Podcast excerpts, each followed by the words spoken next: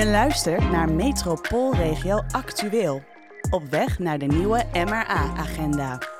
We weten inmiddels dat onze regio een belangrijke motor is van de Nederlandse economie. Nergens groeide die de afgelopen jaren harder. En daarnaast scoren we goed op de meeste CBS-indicatoren voor brede welvaart. U weet wel, die brede welvaart waarover ik het in de eerste aflevering had met professor Henri de Groot. Maar is die brede welvaart overal in de regio in balans? En hoe zit het met de verschillen tussen wijken?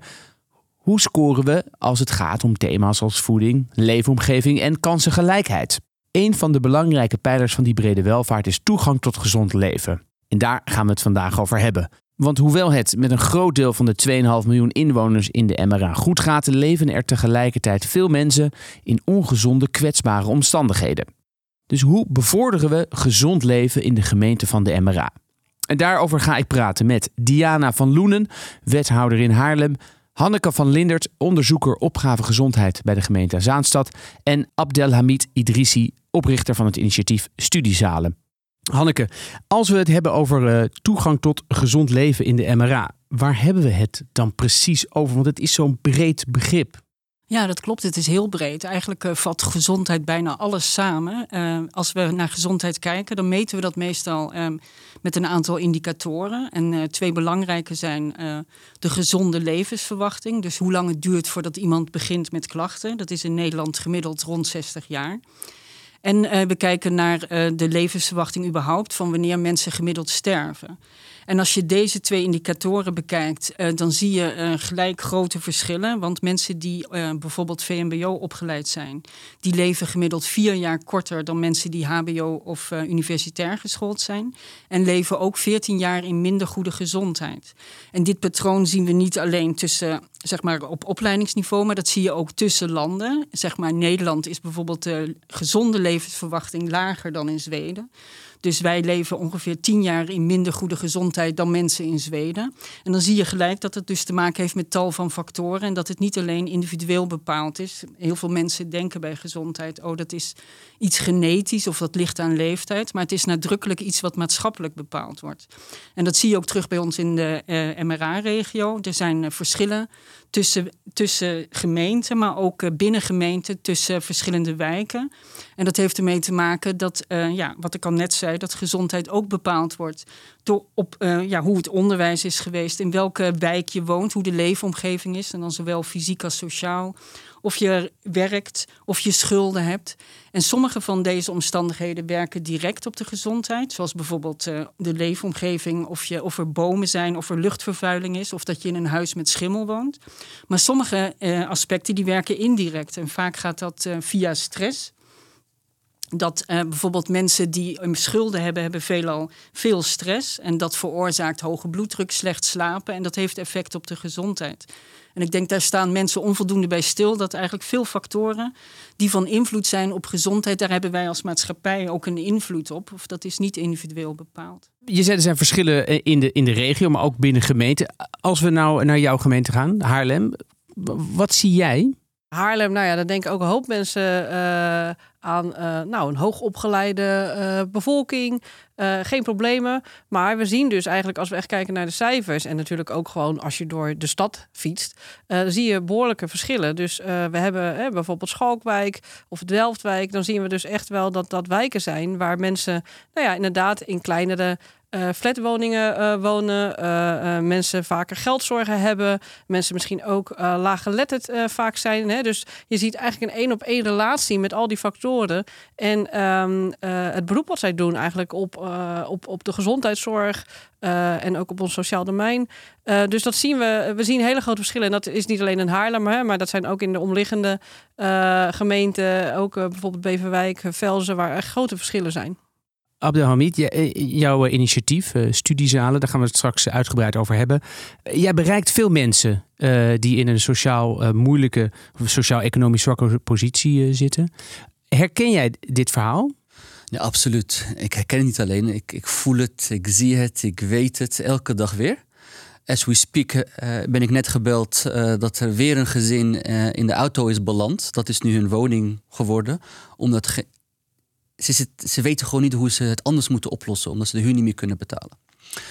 Ehm, ik zie letterlijk, hoe, hoe, letterlijk en figuurlijk hoe alles wat groen moet zijn, de cijfers die groen moeten zijn in de wijk, dat het gewoon donkerrood is. En dus dan hoor ik jou in prachtige intro dat het beter gaat dan ooit. Ehm, maar de kloof is enorm. En, neem ons eens mee, wat, wat zie jij gebeuren? Het gaat over te klein wonen. Het gaat over ongezonde. De slechtste woningen, daar wonen deze gezinnen. Het, het, wordt kouder. Ze moeten meer stoken. Ze hebben al niet zoveel te besteden. Dus dan eh, heb je het nog moeilijker. En dan zie je dat de eerste gezinnen al in, met, een, met hun winterjas thuis zitten.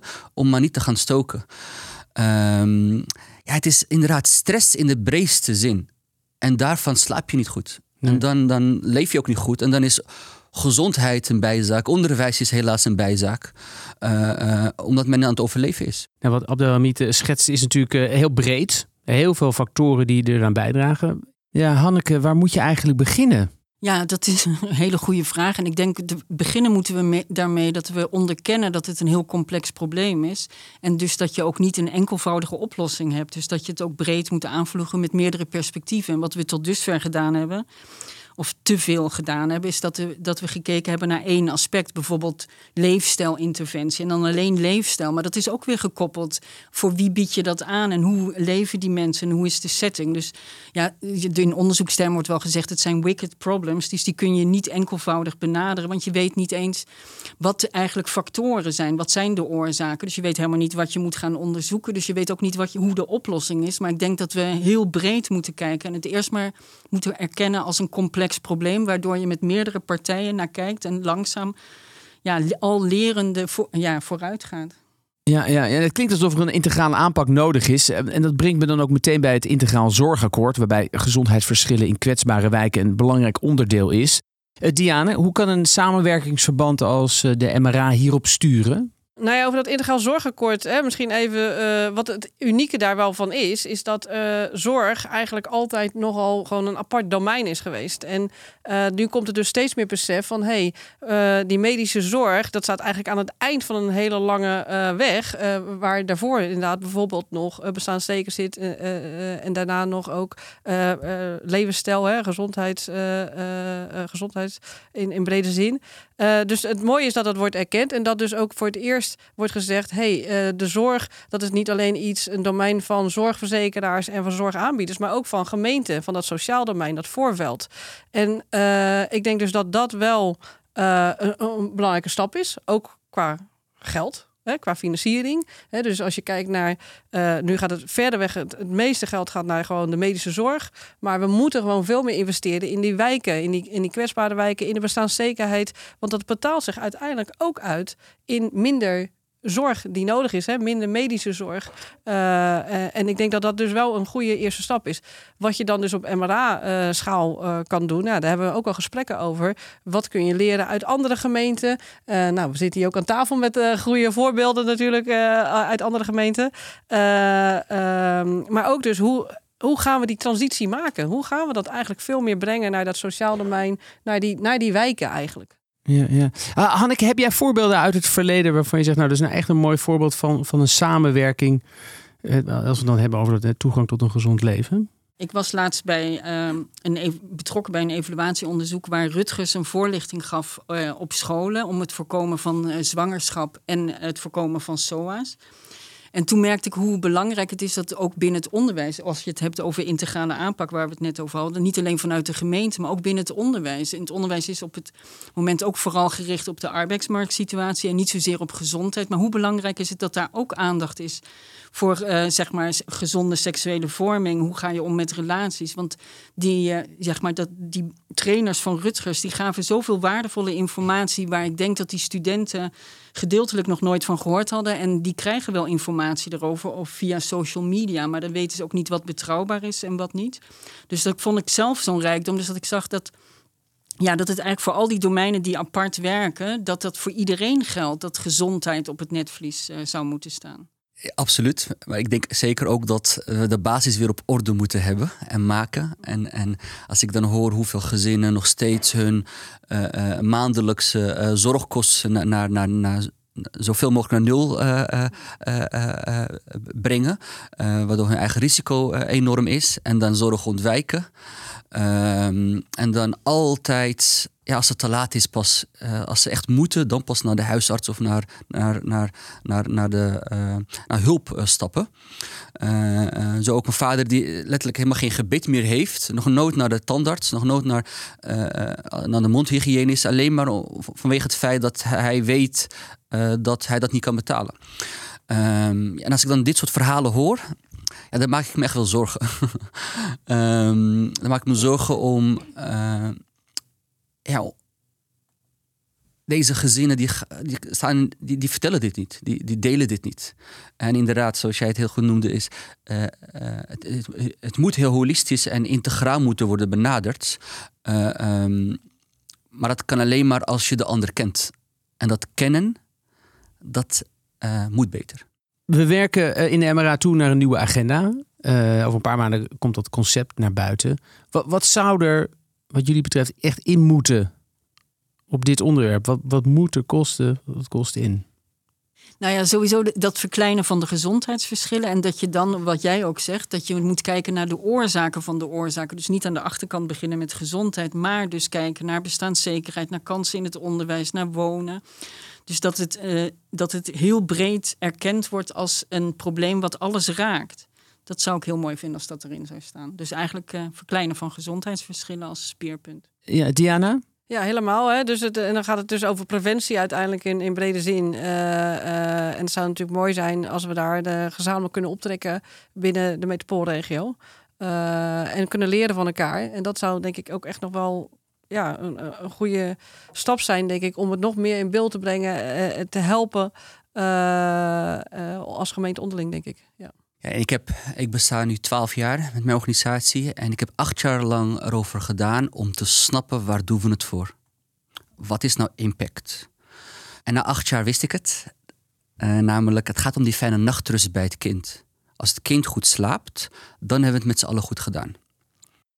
Goed slapen betekent gezond leven, betekent uit die armoede, die financiële armoede, maar ook armoede dat je niet eens weet wat is nou gezondheid, wat is nou gezond eten, wat maakt dat het toch zo goed is.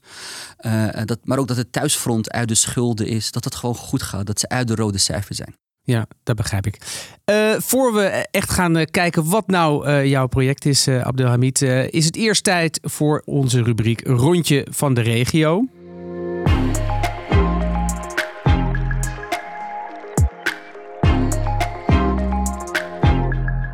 In elke aflevering bespreken we in het rondje van de regio een stelling. En deze keer is de stelling: zonder bestaanszekerheid is gezondheidspreventie zinloos. We hebben een reactie ontvangen. Laten we er eerst eens eventjes naar luisteren. Ik ben het helemaal eens met de stelling. Als je stress hebt over je bestaanszekerheid, dan doet dat die gezondheidspreventie totaal te niet.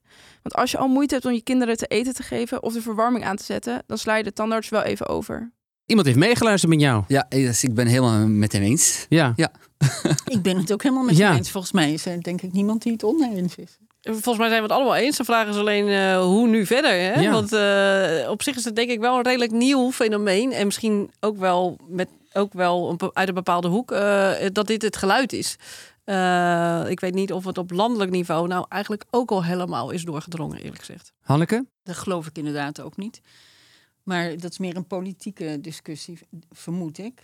En ik denk dat eh, ja, toen ik jou zo beluisterde over wat je vertelt over die voorbeelden van die kinderen met slapen. Ik denk dat dat het beste werkt. En dat doen we niet. Als we het over armoede hebben, dan hebben we het over aantallen. Als we het over migratie hebben, hebben we het over aantallen. Het wordt altijd ja, zeg maar boekhoudkundig weggezet, terwijl er verhalen achter die mensen zitten. En ik denk als we die meer over het voetlicht brengen, dat er ook meer aandacht komt, ook van uh, raadsleden. En wat zou je dan als onderzoeker uh, daarin kunnen doen? Want dat zit natuurlijk al snel in die cijfers en die aantallen.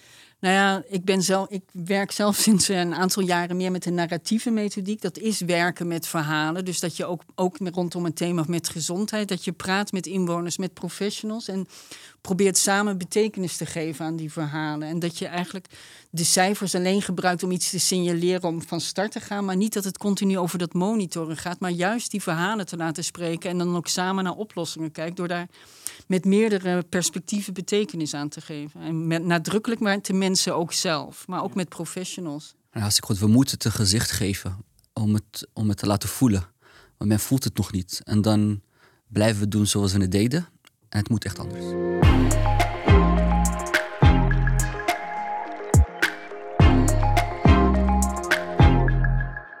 Goed, uh, tijd om uh, de praktijk in uh, te duiken. Abdelhamid, dat gaan we met jou doen. Jij bent oprichter van de studiezalen. Het is dan net even voorbij gekomen.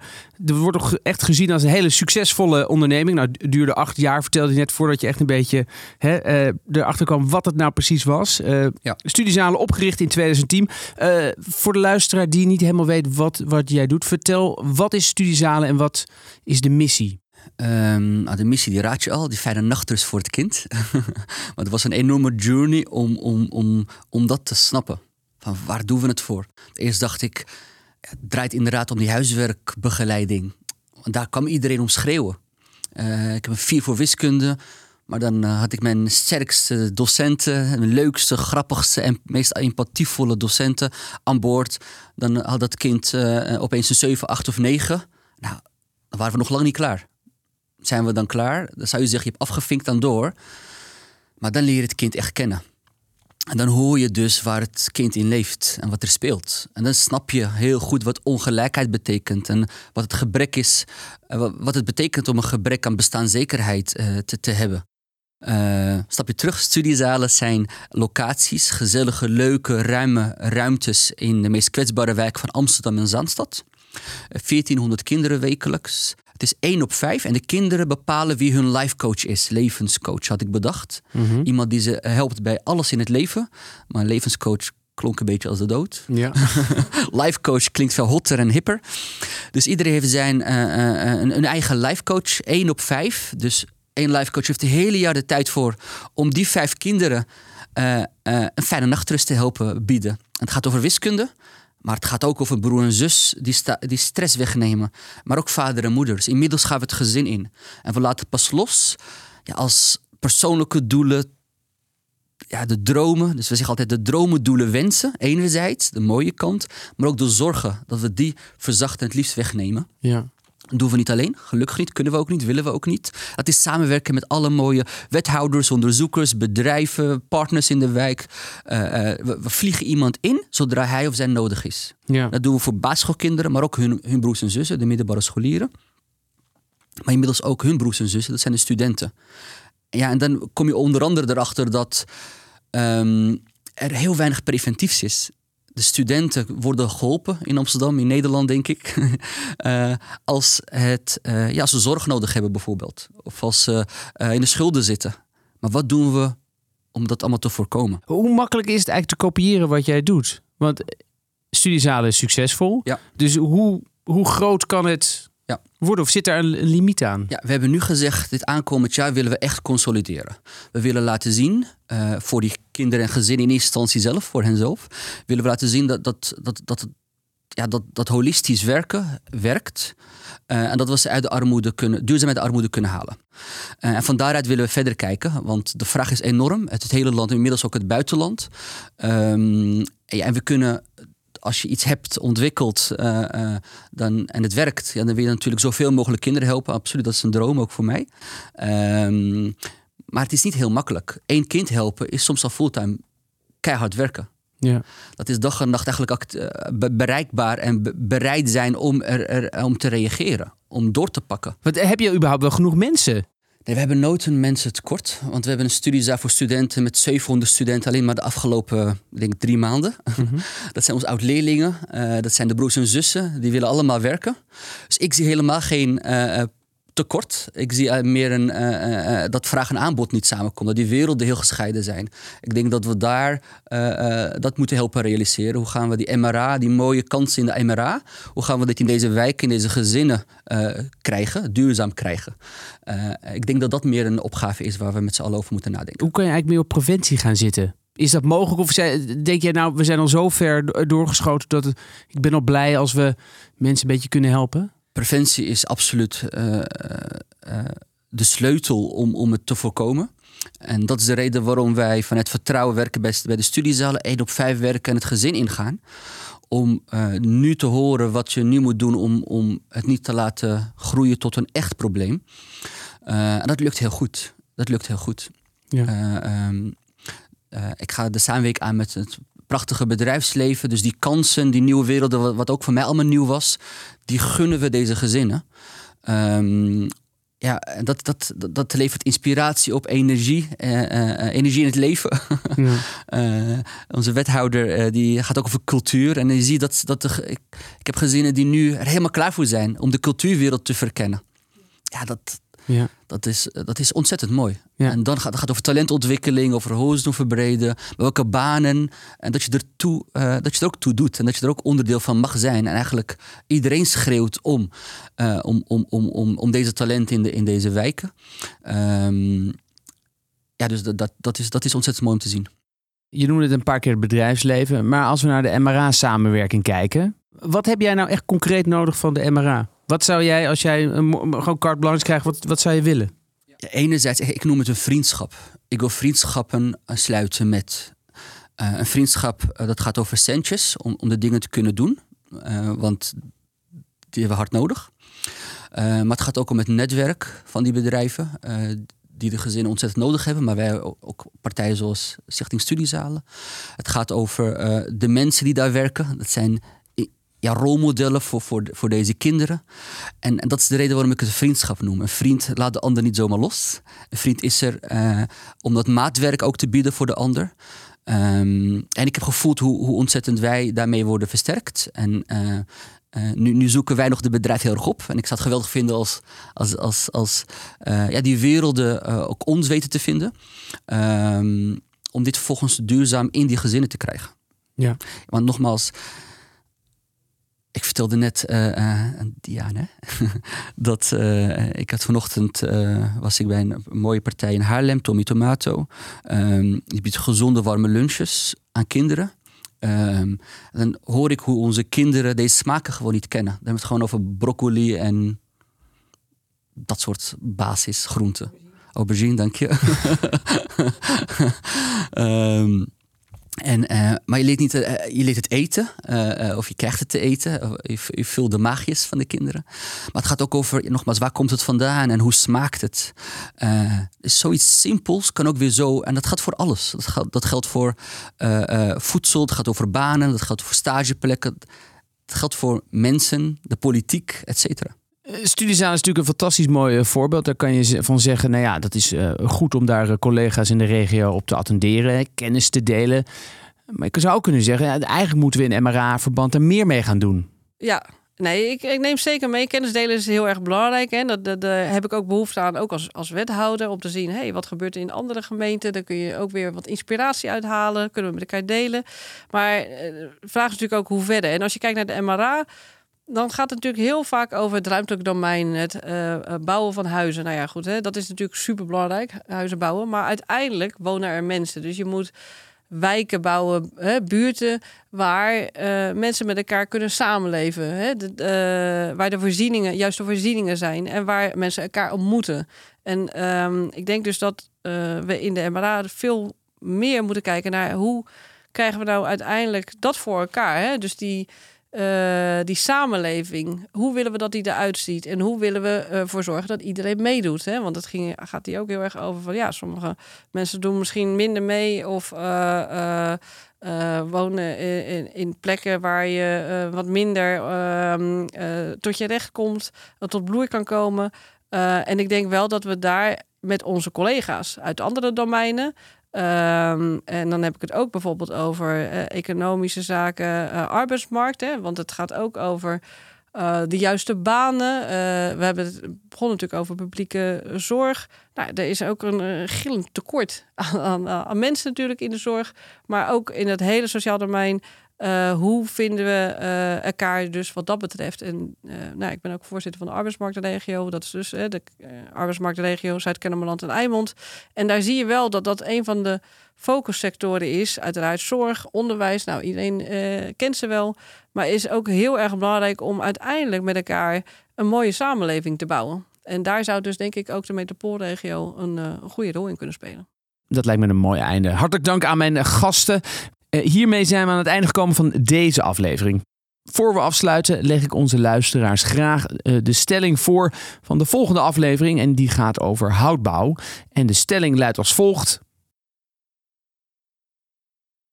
Stuur vooral jullie meningen en ideeën in via 06 148 248 94 of mail naar info@metropoolregioamsterdam.nl.